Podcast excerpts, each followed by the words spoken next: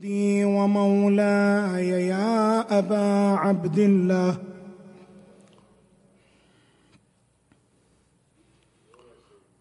صلى الله عليك وعلى ابن أخيك القاسم بن الحسن عريس كربلاء. حلو الشبيبة يا لهفي عليه ذوى. من بعد إيناعه بالعز والظفر. مخضر عارضه ما دب شاربه. لكن جرى القدر الجاري على القدر. فاغتال مفرقه الأزدي بمرهفه. فخر لكن بخد من منعفرين يبكيه عمه. حزنا فلا عجب فما بكى قمر إلا على قمري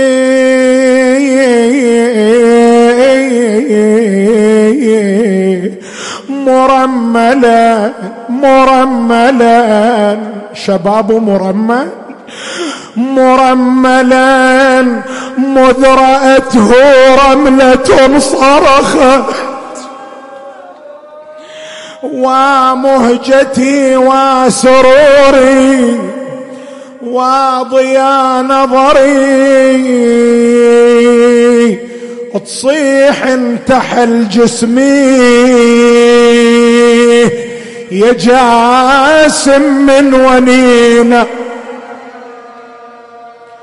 بطل ونينك ما تصيد. ليه بعين عريس يا ابني ولا برزق. صار بفرد ساعة زفافك والمنية. ومن شفت عمك لبسك تفصيل لك ف. قلت الولد ما يعود من حومة الماء. ومن شفيت عمك لبسك. تفصيل. قلت الولد ما يعود من حق. قومي يا سكنة ودعي شمعة الشب وشق على العريس جيبك يا زكي. وشبكت على مهجة قلبها بالايام وبشبكت على مهجة قلبها بالأيادي. وأما الشهيد يصيح ذوبت وفى مفجوع من فقد أخوتي وذبحته. وهادي العساكر حايطة يا الولد بي.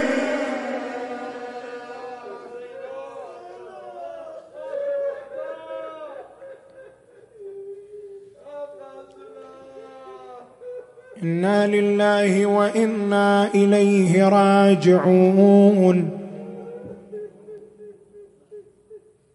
قال الله العظيم في محكم كتابه الكريم. احسب الناس ان يتركوا ان يقولوا امنا. وهم لا يفتنون. آمنا بالله. صدق الله العلي العظيم.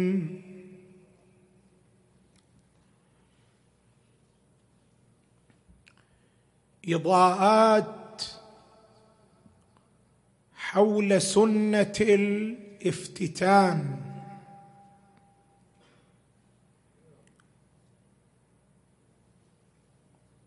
ونتناول هذه السنة بالحديث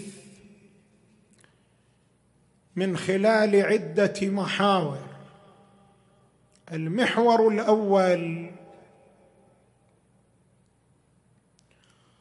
ما هو المقصود من سنة الافتتان؟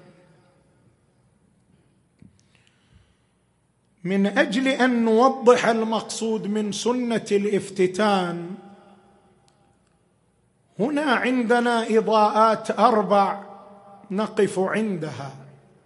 الإضاءة الأولى سنة الافتتان سنة مطلقة ابتدائية وليست سنة مقيدة ارتدادية.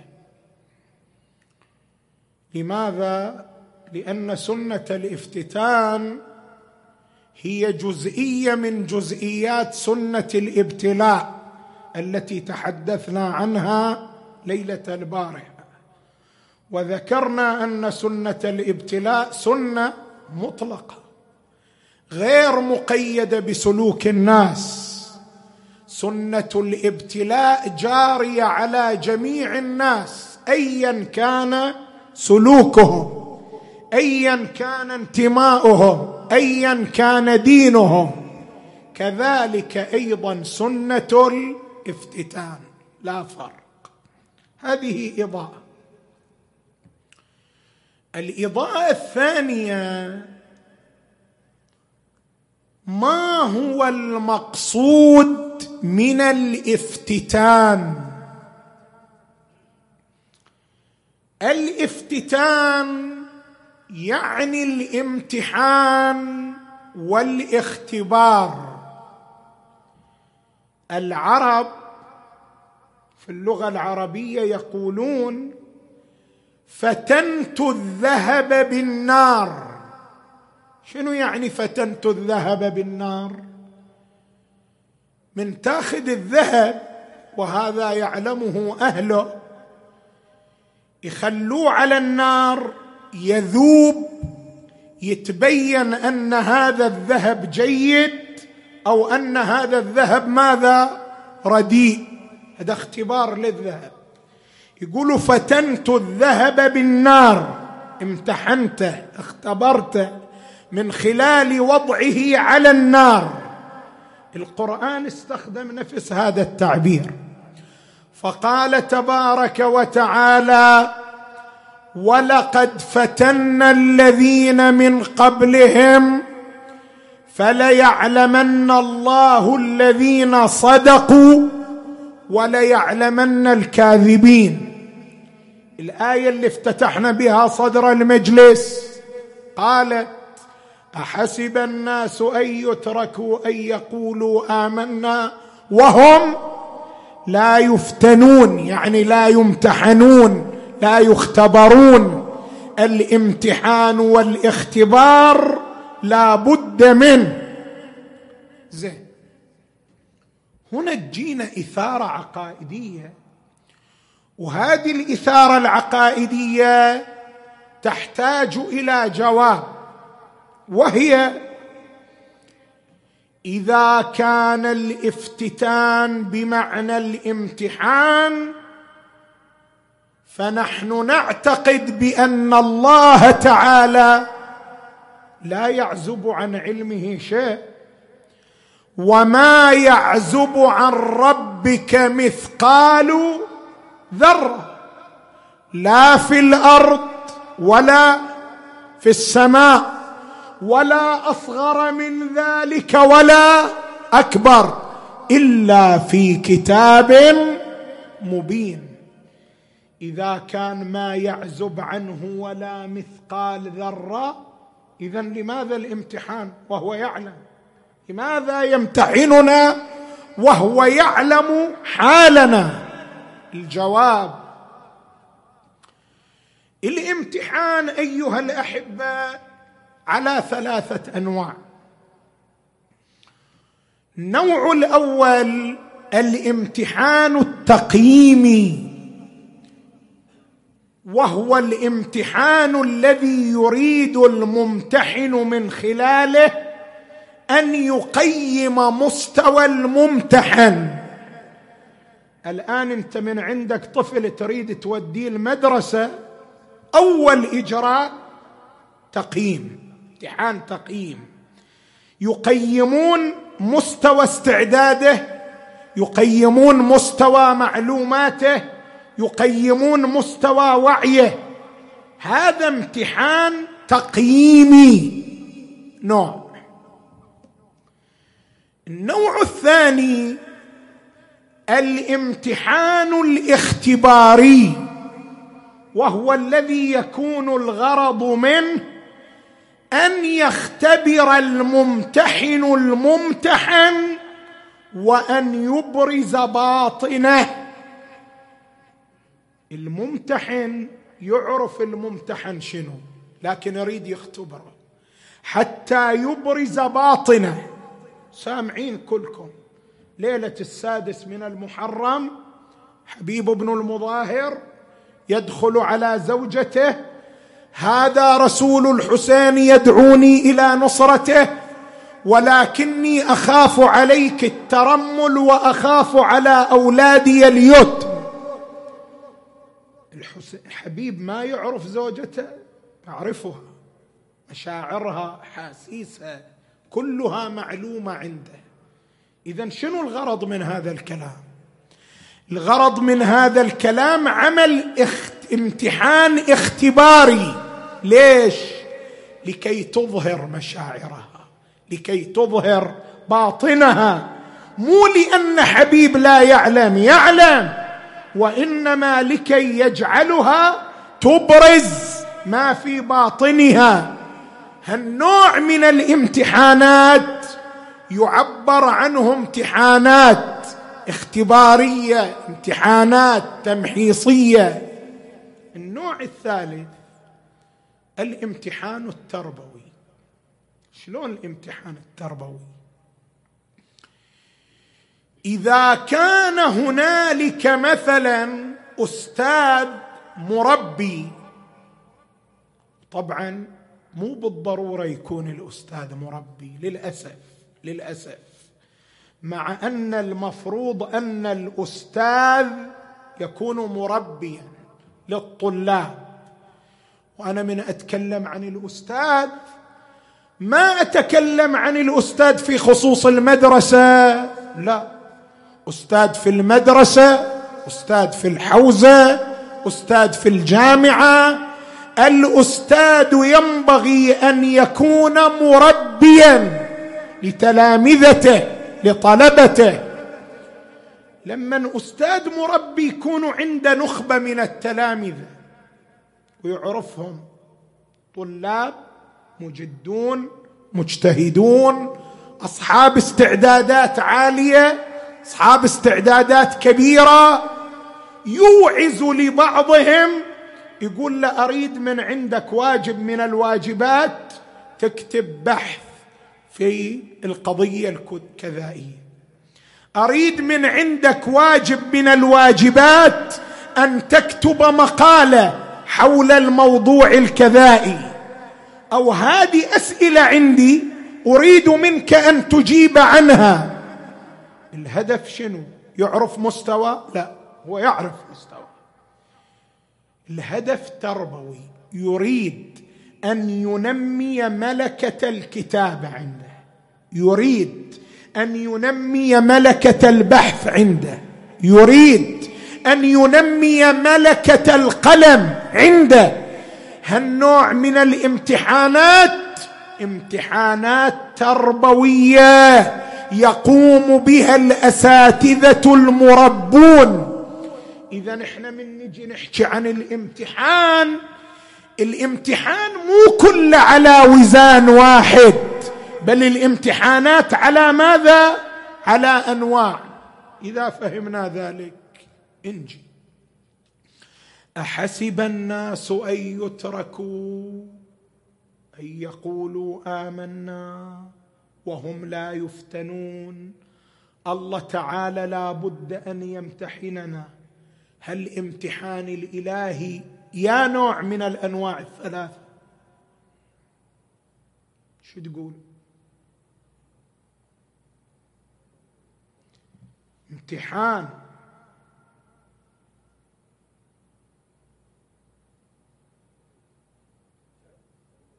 تربوي أو امتحان تقييمي أو امتحان اختباري. امتحان اختباري غالبا يعني الأساس هو ذلك. امتحان اختباري يعني أن الله تعالى يريد أن يظهر ماذا؟ بواطننا أفعالنا. أمير المؤمنين عليه السلام في الرواية عن يقول يختبر عباده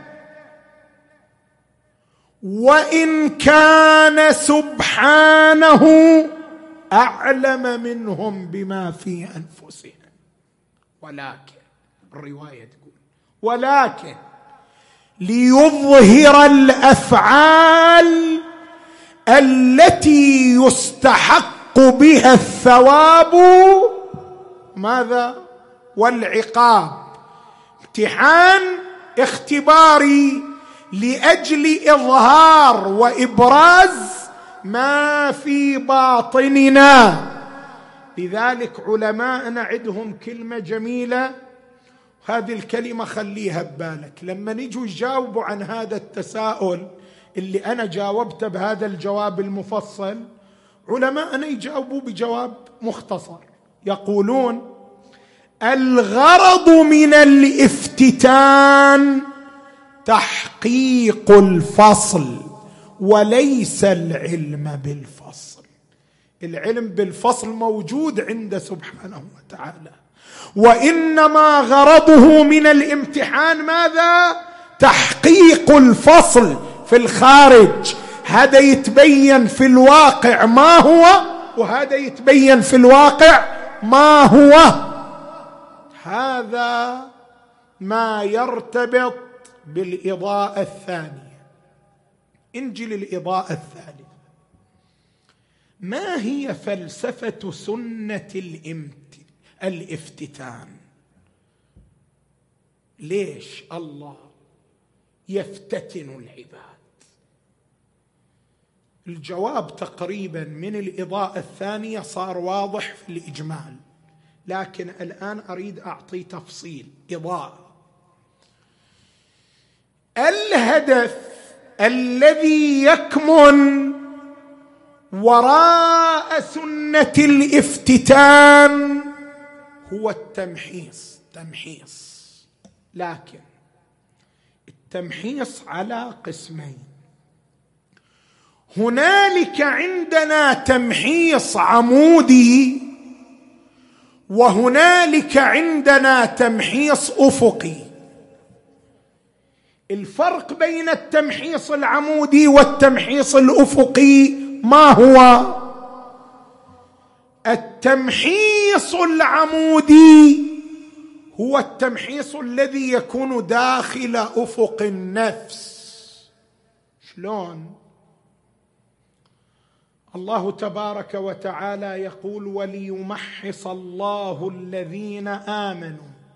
كلنا نتعرض إلى عملية تمحيص عمودي. كيف؟ أنا عندي نقاط قوة وعندي نقاط ضعف. وإنت عندك نقاط قوة وعندك نقاط ضعف. الشك نقطة قوة. اليقين. نقطة ضعف. التقوى. نقطة قوة. الهوى. نقطة ضعف. أنا الإنسان شلون أفرز نقاط ضعفي ونقاط قوتي وأعرف أين هي نقاط قوتي وأين هي نقاط ضعف ضعفي وأنا في الحقيقة ماذا؟ بالإفتتان.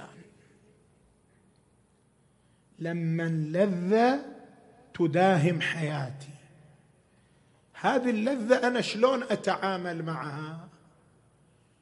أعلم حينئذ أنني من أهل الهوى أو أنني من أهل التقوى.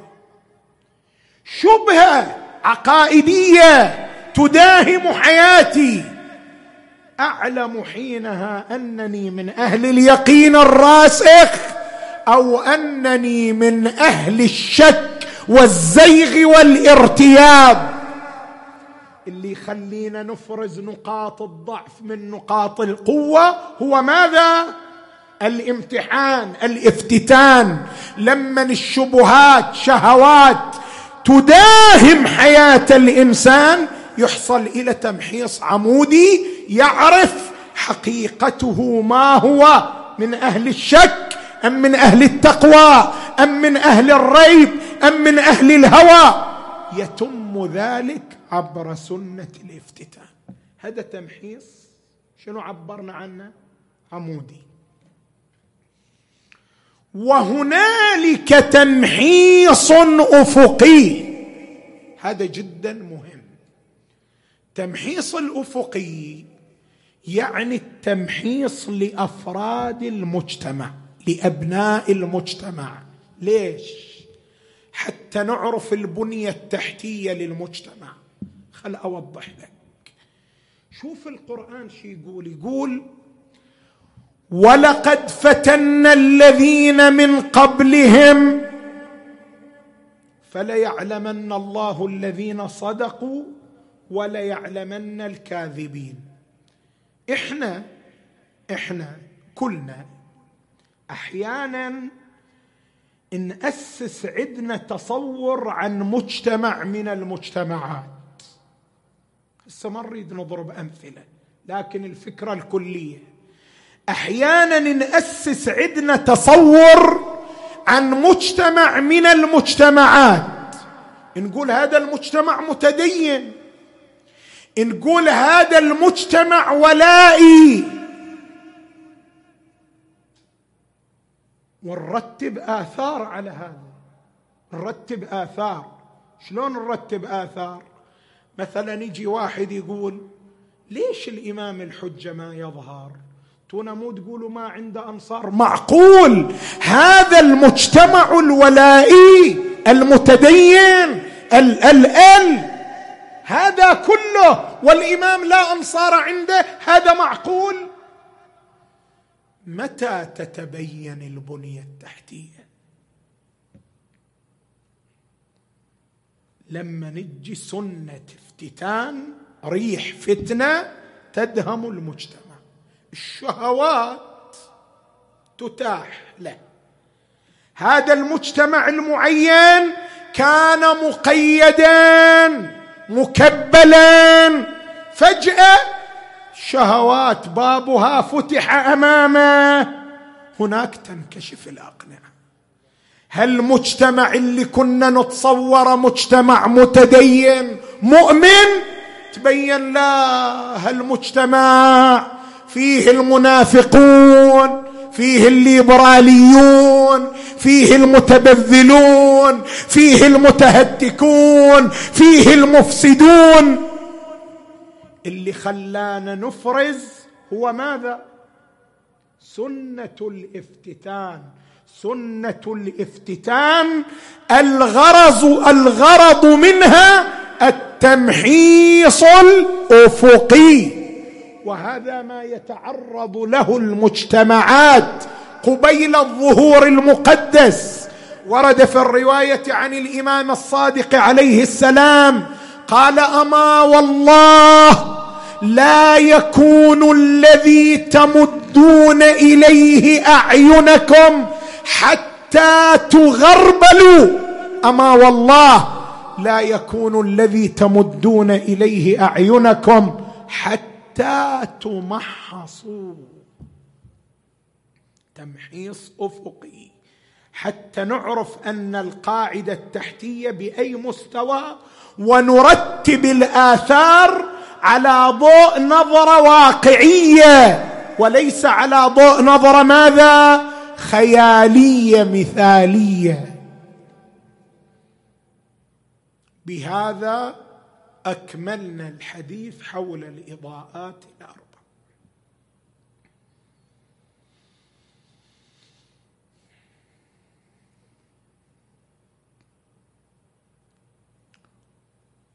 إذا أكمل كل كلامي ما أدري متى أطلعكم. كم إضاءة جبنا؟ ثلاث مو أربع.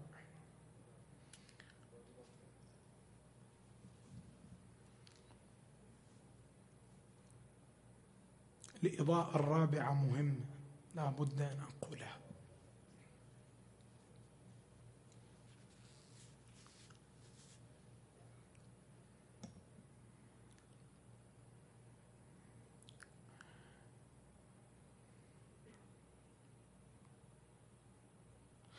اليوم واحد من المؤمنين أرسل إلي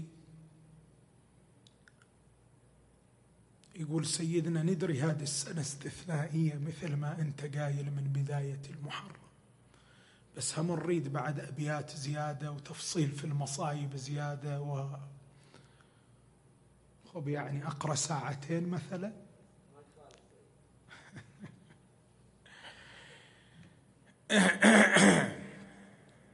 الإضاءة الرابعة. ما هو متعلق سنة الافتتان؟ يعني شنو؟ يعني الله من يفتتننا يختبرنا يمتحننا. يمتحننا في ماذا؟ متعلق سنة الافتتان ما هو؟ لهذه السنة متعلقان. المتعلق الأول الشهوات. المتعلق الثاني الشبهات. لذلك إحنا من نجي نحكي عن الفتن نقول الفتن قسمان فتن شهوات وفتن شبهات. يعني محطات الامتحان إما أن تكون هي الشهوات وإما أن تكون ماذا؟ هي الشبهات. خل أبين لك. تعال إلى فتن الشهوات. ورد في الرواية عن النبي الأعظم صلى الله عليه وآله قال الفتن ثلاث حب النساء فإنه سيف الشيطان وشرب الخمر فإنه فخ الشيطان.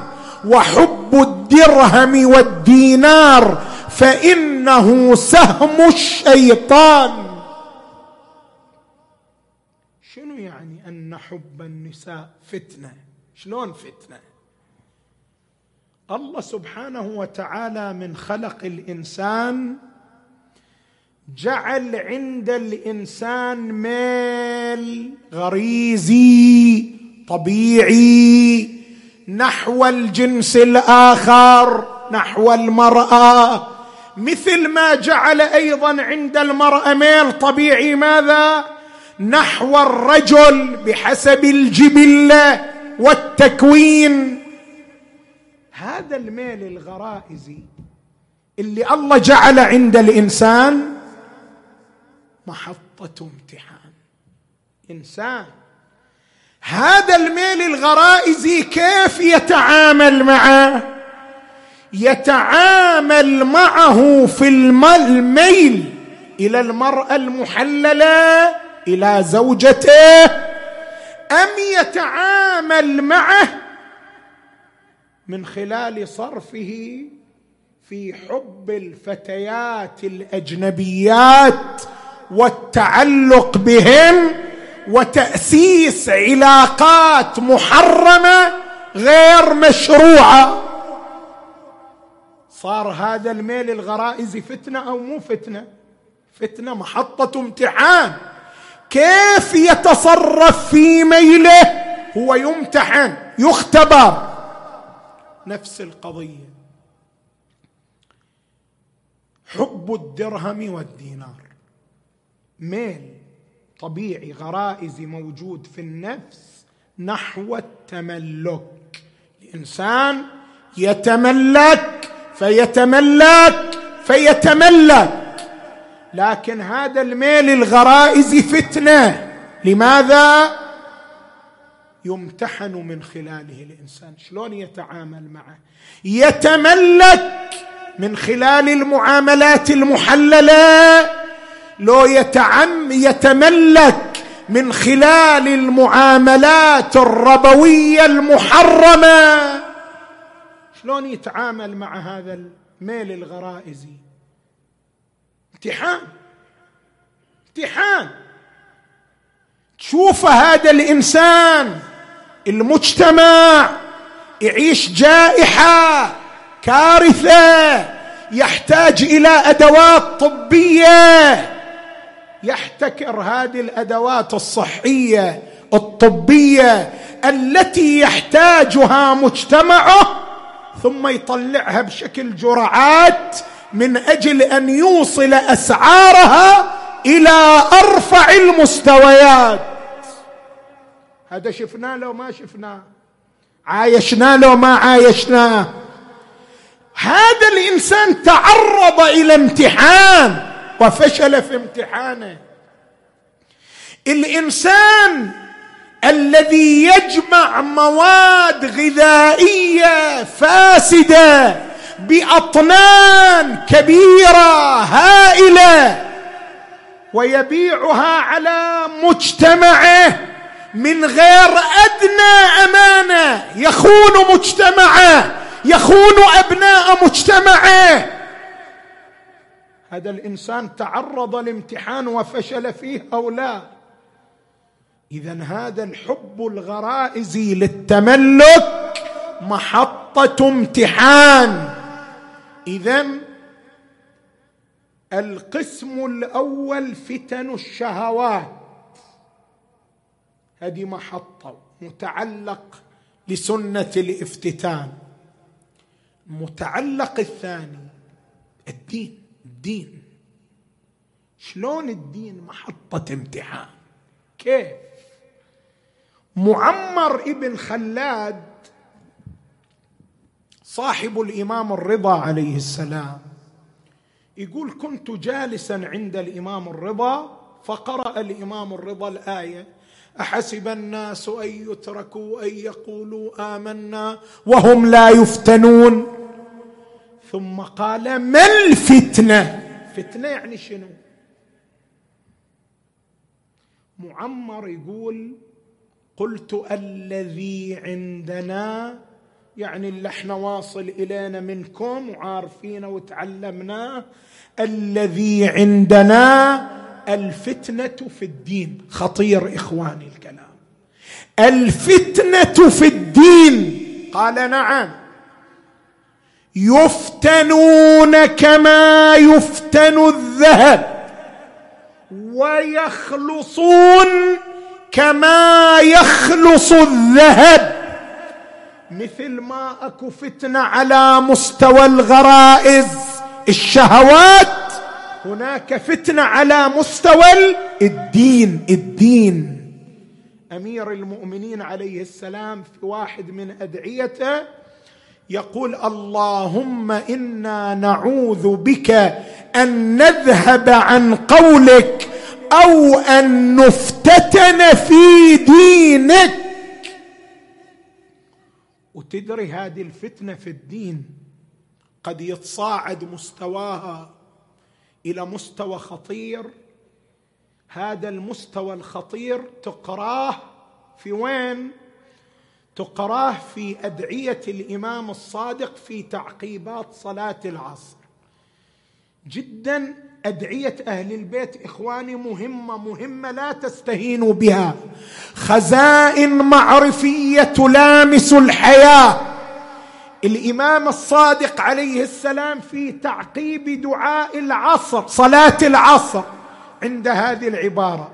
اللهم إني أعوذ بك من مضلات الفتن. مضلات الفتن يعني شنو؟ مضلات الفتن يعني أن تصل الفتنة في الدين إلى حد أن الإنسان لا يستطيع أن يميز الحق من الباطل. صير تشويش؟ وضبابية بحيث أن الإنسان لا يقوى أن يميز الحق عن الباطل. هذه مضلات الفتن أجارنا الله تعالى وإياكم منها. اذا الله سبحانه وتعالى لما يقول أحسب الناس أن يتركوا أن يقولوا آمنا وهم لا يفتنون؟ لو يفتنون في شهواتهم لو يفتنون ماذا؟ في دينهم. فتنة شهوات وفتنة شبهات. وكل واحد منا يتعرض إلى هذه السنة بشقيها. خلصنا الإضاءات. في الواقع أنا بقي عندي محوران. لكن وقت ما يسع. فأنا سأتكلم عن أهم المحورين. كلاهما مهمان لكن أحدهما بنظري بنظري هو أهم من الآخر. محور وظيفة المؤمن في التعامل مع فتن الشهوات. للأسف هذا مهيأ لكن الوقت لا يسع له. محور الثاني وظيفة المؤمن في التعامل مع فتن الشبهات. أنا هذا أريد أوقف عنده لأن اعتقادي هو أخطر أشد. ليش؟ شوفوا إخواني أقولها بضرس قاطع. ما مر على تاريخ الشيعة من أوله إلى هذا اليوم. زمان داهمت فيه الشبهات الشيعة كهذا الزمان. هذه أقولها بضرس قاطع. ما مر على تاريخ الشيعة زمان بلغت فيه الشبهات حول الدين ضراوتها وشدتها كمثل هذا الزمان. خلينا نرجع عشر سنين قبل خمسة عشر سنة قبل عشرين سنة قبل. وين الشبهات كانت؟ شبهات من جهة واحدة معروفة. شيعة عبدت قبور شيعة يعبدون التربة شيعة يعبدون الأضرحة شيعة مشركون شبهات سقيمة بالية تناولها العلماء تناولها الخطباء حتى صارت هشة مج منها الناس. تهت تهت. جهة واحدة عبأت الدنيا استنفرت كل قواها طبعت ما تستطيع من كتب حركت ما تستطيع من قنوات من أجل الإطاحة بالشيعة والتشيع. فما زاد ذلك الشيعة إلا ظهورا وقوة. وجاي التشيع يكتسح العالم. الآن الوضع أخطر. هذا راح. الآن صار كل شخص يستطيع أن يتكلم في أمر الدين.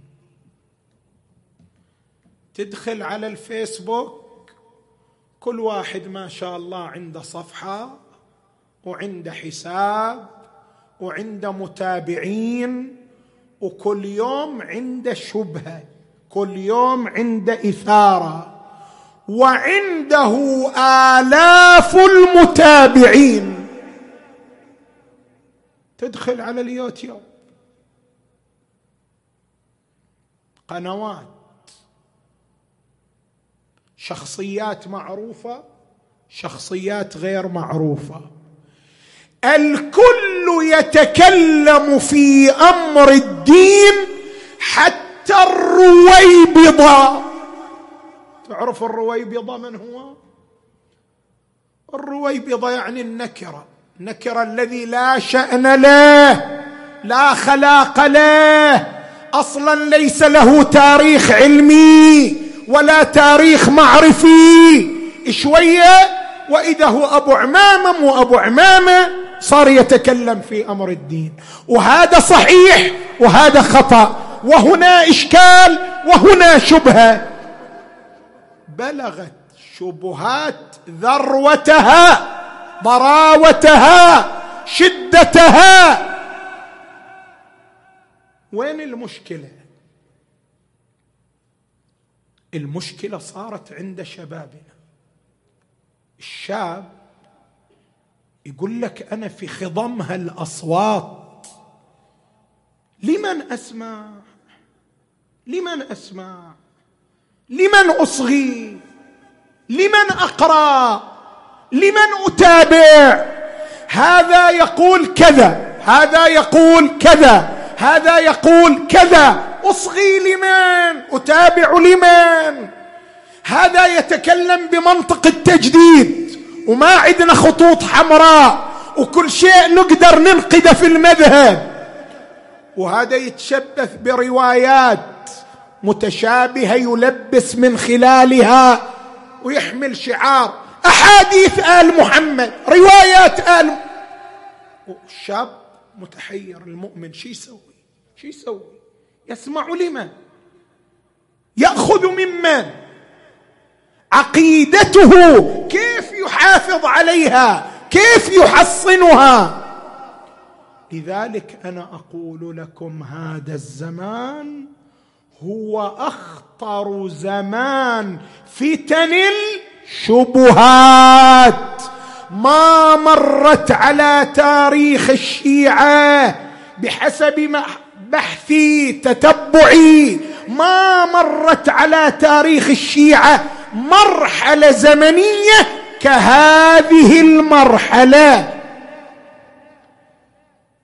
زين أنا الشيعي شنو وظيفتي؟ أنا الشاب الآن شنو أسوي؟ أنا شنو أسوي؟ شلون أحافظ على ديني؟ شلون أحافظ على عقيدتي؟ أسمع لمن؟ لا تشتت ذهنك. لا تشتت ذهنك. لا تتعب. الوظيفة سهلة بسيطة. شنو الوظيفة؟ أهل البيت عليهم السلام. قبل ألف وأربعمائة سنة هذا الواقع كله قارئينه كله قرأوه. وهذا الواقع كله عارفينه. وهذه المسيرة كلها كانت عندهم. وحددوا الوظيفة من ذاك اليوم. شنو الوظيفة؟ الوظيفة طبعا هذه أكدت عليها روايات كثيرة. بس أنا رايح أذكر لك روايتين. وإلا مثل هذين الروايتين كثير. الرواية الأولى الحارث بن المغيرة يقول دخلت على الإمام الصادق. قلت يا ابن رسول الله بلغنا أن صاحب هذا الأمر يغيب زمانا فماذا نصنع؟ أنتم من أنتم موجودين إحنا يصير عندنا شنجي عندكم لكن الإمام من يغيب شو نسوي؟ ماذا نصنع؟ هذا يتكلم عن أي زمان؟ عن زماننا. إمام شي يجاوبه؟ خلي الجواب عندك. تمسكوا بالأمر الأول الذي أنتم عليه حتى يتضح لكم الأمر. يعني شنو؟ يعني أنت عندك منظومة عقائدية. هذا المذهب مو شيء وصلنا هكذا. منظومة دينية عقدية فكرية وصلتنا عن طريق جهود علمائنا الأبرار وآبائنا وأجدادنا وتضحياتهم. دماء سفكت أرواح أتلفت. في سبيل أن تصل إلينا هذه المنظومة. الإمام يقول هذه ماذا؟ تمسكوا بها. وظيفتكم التمسك بما أنتم عليه. خل أجيب لك رواية ثانية. عبد الله بن سنان. وما أدراك من هو؟ يقول كنت عند الإمام الصادق عليه السلام. فقال عجيب الرواية كأنها تحكي ويانا الآن. فقال شبهة تصيبكم. يحكي ويانا الإمام الآن. شبهة تصيبكم وتبقون بلا علم يرى ولا إمام هدى. وعند ذلك لا ينجو إلا من دعا بدعاء الغريق. يقول عبد الله ابن سنان قلت له وما دعاء الغريق قال يا الله يا رحمن يا رحيم الله ثبت قلبي على دينك. هي هذه عبارة مختصرة لكن مهمة. يا الله يا رحمن يا رحيم ثبت قلب عفوا عفوا. يا الله يا رحمن يا رحيم يا مقلب القلوب ثبت ثبت قلبي على دينك. هي هاي العبارة. حافظ عليها في قنوت صلاتك. حافظ عليها في تعقيبات صلاتك. يا الله يا رحمن يا رحيم يا مقلب القلوب ثبت قلبي على دينك. يعني عندك دين لو ما عندك؟ عندي. إنما تريد ماذا؟ أن تثبت عليه. شوف. يقول والدي كان معي. فقال إن هذا والله لهو البلاء. شنو هالحياة هذه؟ اللي فيها لا علم يرى ولا إمام هدى وشبهات تداهم الناس. إن هذا والله لهو البلاء. فماذا نصنع؟ هذا الجواب لنا الآن. قال إذا أدركتموه ولن تدركه. يعني أنت يا بن سنان ما رايح تدرك هذا. إذا أدركتموه ولم تدرك ولن تدركه فتمسكوا بما في أيديكم. حتى يتضح لكم. ليجيك واحد تحت دعاوى تجديد وتصغي له انت عندك منظومة عقائدية. تعب علماؤنا الأبرار في إيصالها إلينا. فمن جاءك بما يخالفها اضرب به. وبما جاء به عرض الجدار. تريد تحفظ دينك من فتن الشبهات تمسك بما فيه هذه العقيدة تمسك بها.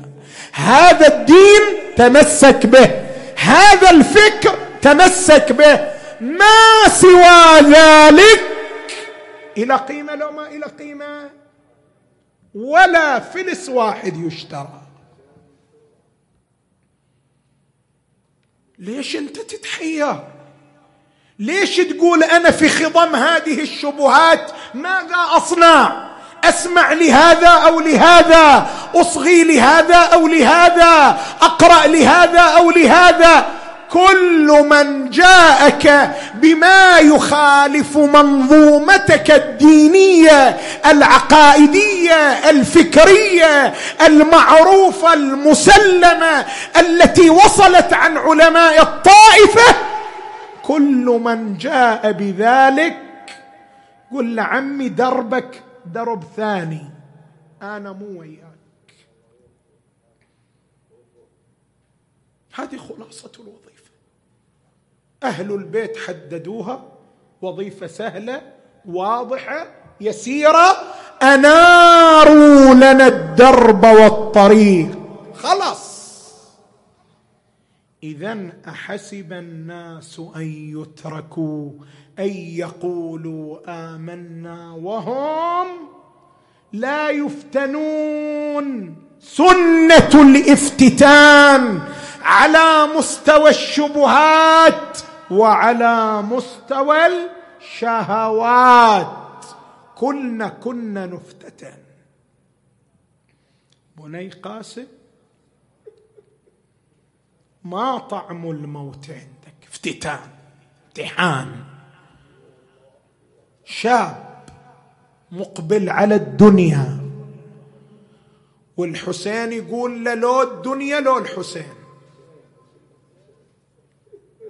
امتحان. اختبار ولكن يأبى القاسم بن الحسن إلا أن يثبت نجاحه في كل الامتحانات. قال سيدي أبا عبد الله.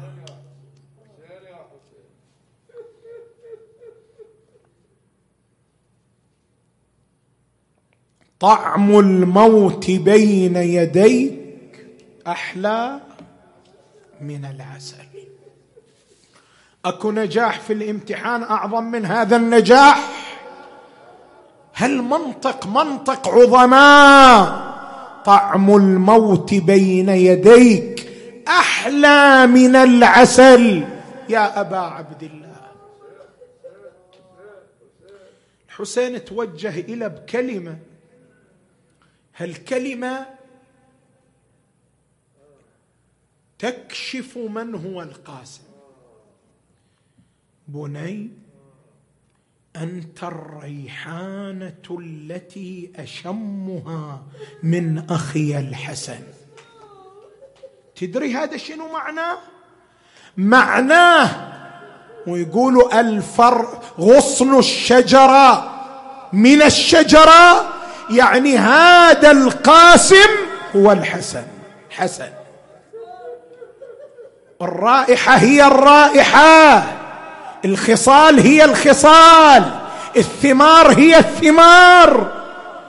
لذلك أنا خسرت الحسن مرة ما أقدر أخسر الحسن مرتين. ارجع بني ارجع.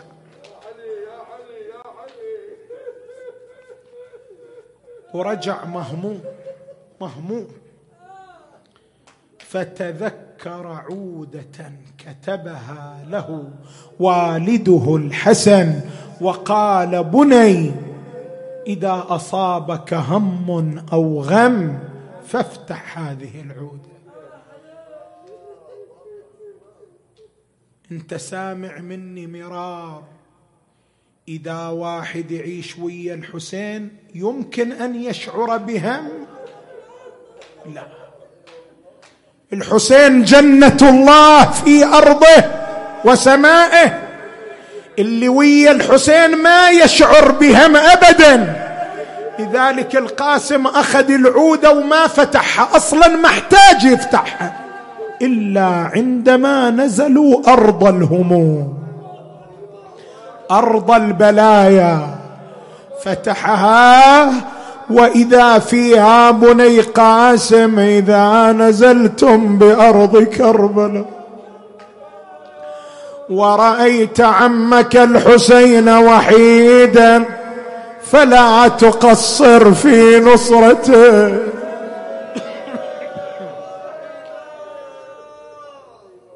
أخذ العود أقبل بها إلى الحسين سلمها لأبي عبد الله. حسين أخذ العود قرأها بكى. الحسن ما ناسيني. متذكر هاليوم متذكر هاليوم ومهيئ فلذات كبدة لنصرتي في هذا اليوم. قال أخي زينب ناوليني صندوق أخي المسموم إيش عندك أبو علي؟ قال عندي وصية يكون أنفذها أن أزوج هذا الشاب على زوجته المسماة له.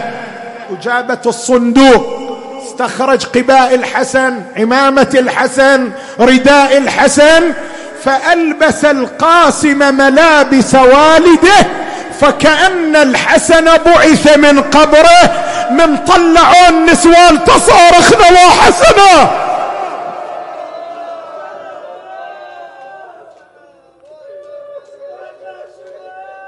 أبو علي إيش عندك قال زوج الشباب. أبو علي عذرنا هالليلة. أنا أنا أقول مولاي أبو علي وأنا على منبرك اعذرنا. كل سنة عندنا ناس كثيرون يزفون القاسم هالسنة هالسنة أبو علي هالسنة قليلون قليلون نطلب منك أن ترفع هذا البلاء. أن تطلب من الله تعالى أن يرفع هذا البلاء لتعود المجالس كما كانت أبا عبد الله. ترى قلوبنا محترقه ابو علي. قلوب الشيعة متألمة أبو علي. رواد هالمجالس رواد هالمجالس مشتاقون إليها. لكن أقول لك مولاي أقول لك مولاي. مولاي مولاي. هل اللي تشوفهم ذولا قليلون؟ ترى كثيرون. ترى دول أنصارك ينادونك لبيك.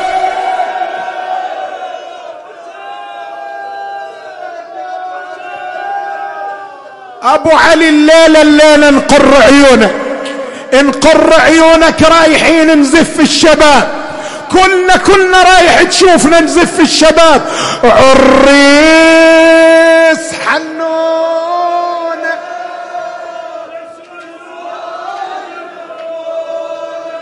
إيه عريس حنون.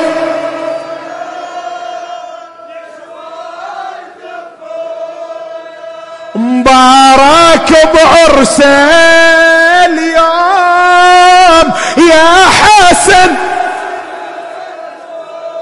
الخضاب صار دموم من كفة ومتون. يلا يلا دنهض يا ابو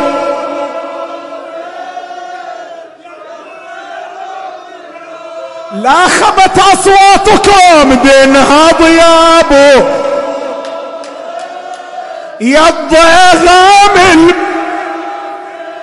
هذا ما هو؟ نسوى يزفوا كبش الكتيبة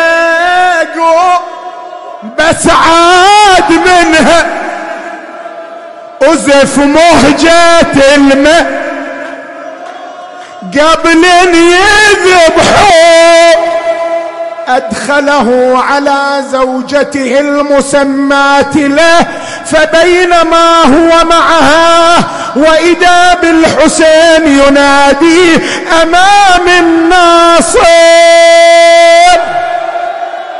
فنادى الشباب ونحن ننادي مع أهل البيت. أقبل أقبل إلى عمه يطلب منه الرخصة. نادى الحسين أخي زينب يا رملة يا أم كلثوم قمنا لوداع الشباب.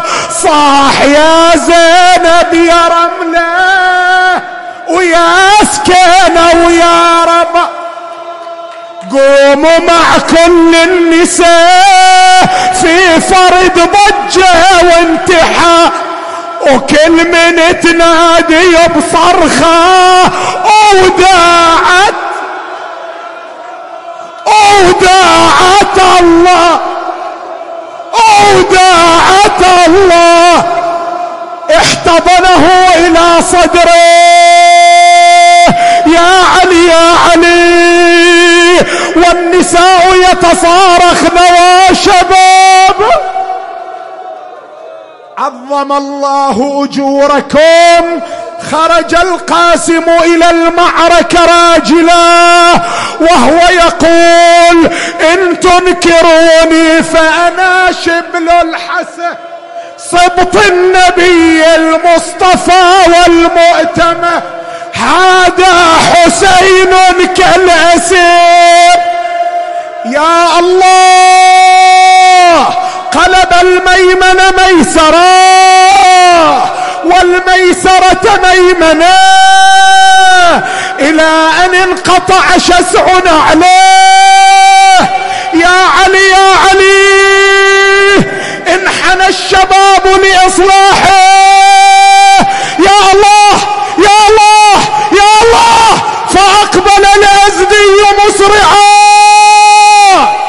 شاهرا سيفا فاتحا باعا يا زهراء وضرب الشباب على رأسه.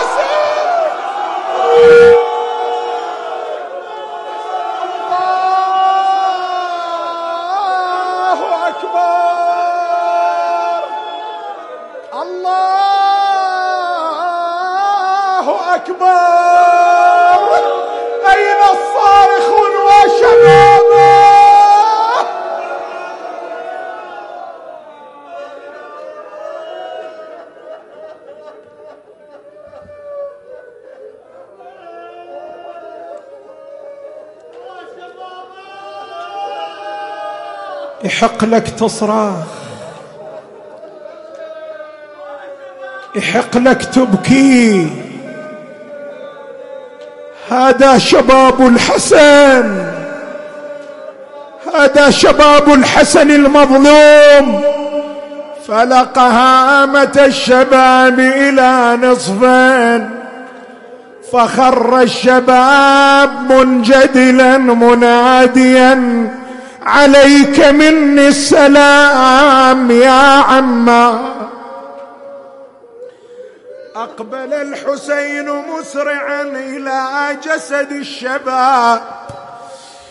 لكن هنا الرواية المؤلمة اللي تبين تبين عظمة مقتل القاسم وما الذي جرى عليه. من وصل الحسين اعذروني شوية شباب. من وصل الحسين شاف الأعداء قد احتوشوا جسد الشباب. أنت متخيل واحد ابن أربعة عشر سنة وحول عشرات يضربونه بالسيوف؟ أقبل الحسين أراد أن يفرق الأعداء عنه. تقول الرواية لما الأعداء شافوا الحسين أقبل المعذرة منكم رجعوا بخيولهم على جسد الشباب. يا علي يا علي حتى هشموا أعضاء جسده. وصل إليه الحسين وجده مهشم الأعضاء. فنادى وولده.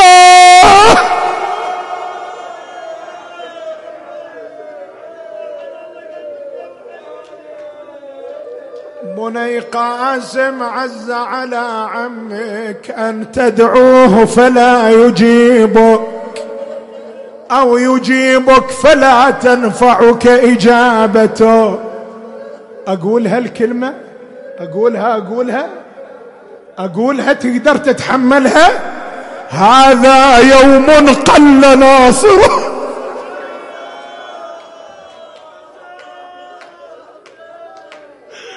أبا عبد الله إن كنت قليل الأنصار ذلك اليوم فانظر إلينا هذا اليوم. إحنا أنصارك أبو علي نناديك لبيك حسين.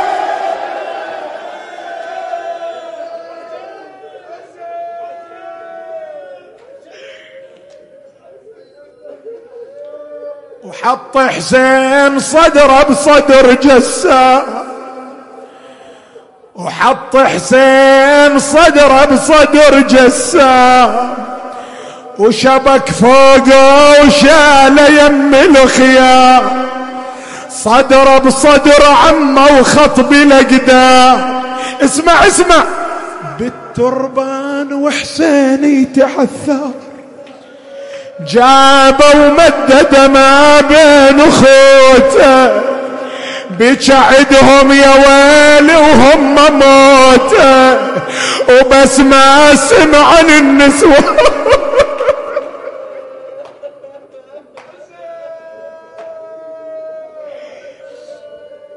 وبس ما سمع عن النسوان صوته. إجت أمة تصيح الله.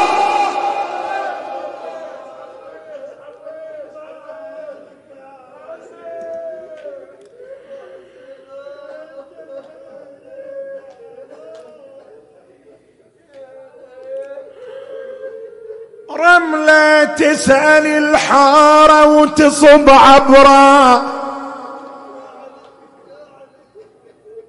من هذا الشباب الشايل بصدرة. ما عرفت الشباب ها مقطع. رملة تسأل الحارة وتصب عبرة. من هذا الشباب الشاهد.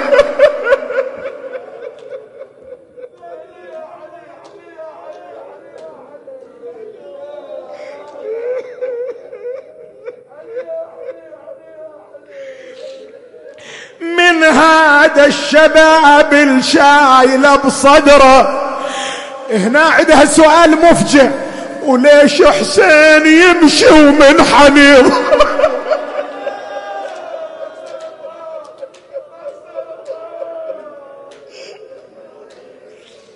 وليش حسين يمشي ومن حنين؟ ظهرة قالت هذا ابنك ما عرفتينه. من راسه محنة والولي جابه. يا رملة قومي وحضر ثيابه.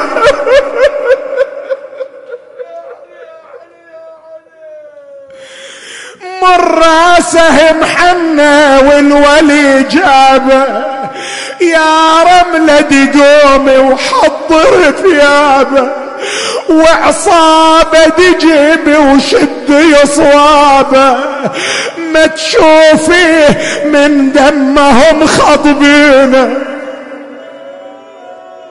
اسمع اسمع اسمع رايح أألم قلبك اعذرني. لكن الليلة ليلة الشباب ها وقرب أبو اليمة ودمعه يسيله. اسمع اسمع. وقرب أبو اليمة ودمعه يسيله. بجسم الشاب ويدور رجاجيله. ولن زينب تقل ما أدري تتحملوا هذا لولا ولن زينب تقل خلي باشيل أبو علي إذا ما عندك رجال يشيلوا القاسم. أنا أشيله على صدري أبو علي. أشيله أشيله. ولن زينب تقل خلي باشيله قالها خلي النسوة يزفون اسمع اسمع الموقف اسمع اسمع الموقف. آه وهد ركن الحرم جاسم من الونة من سمعوا ونات الجاسم ما يتحملوا. وهد ركن الحرم جاسم من الونة ودار جنازة يودعنا ولخيمة إخوان الحرم جابنا وتقدمت أمه تعلق الزينه يلا يلا بيتين الدعاء أسألكم الدعاء ولن تسمع ولن تسمع بواجد زلزل الأركان ولن تسمع عروسة تصيح يا نسوان. اشعدها العروس؟ ولن تسمع عروسة تصيح يا نسوان.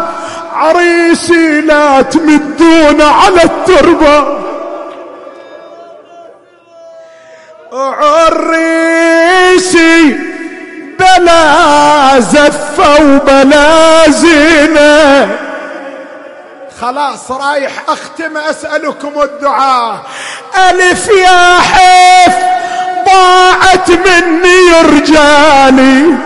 ولمخيم ألف يا حيف يظل خالي وبعد ساعة ابني عاين ذبحة الوالي قدام الحرم بالسيف ذبحونه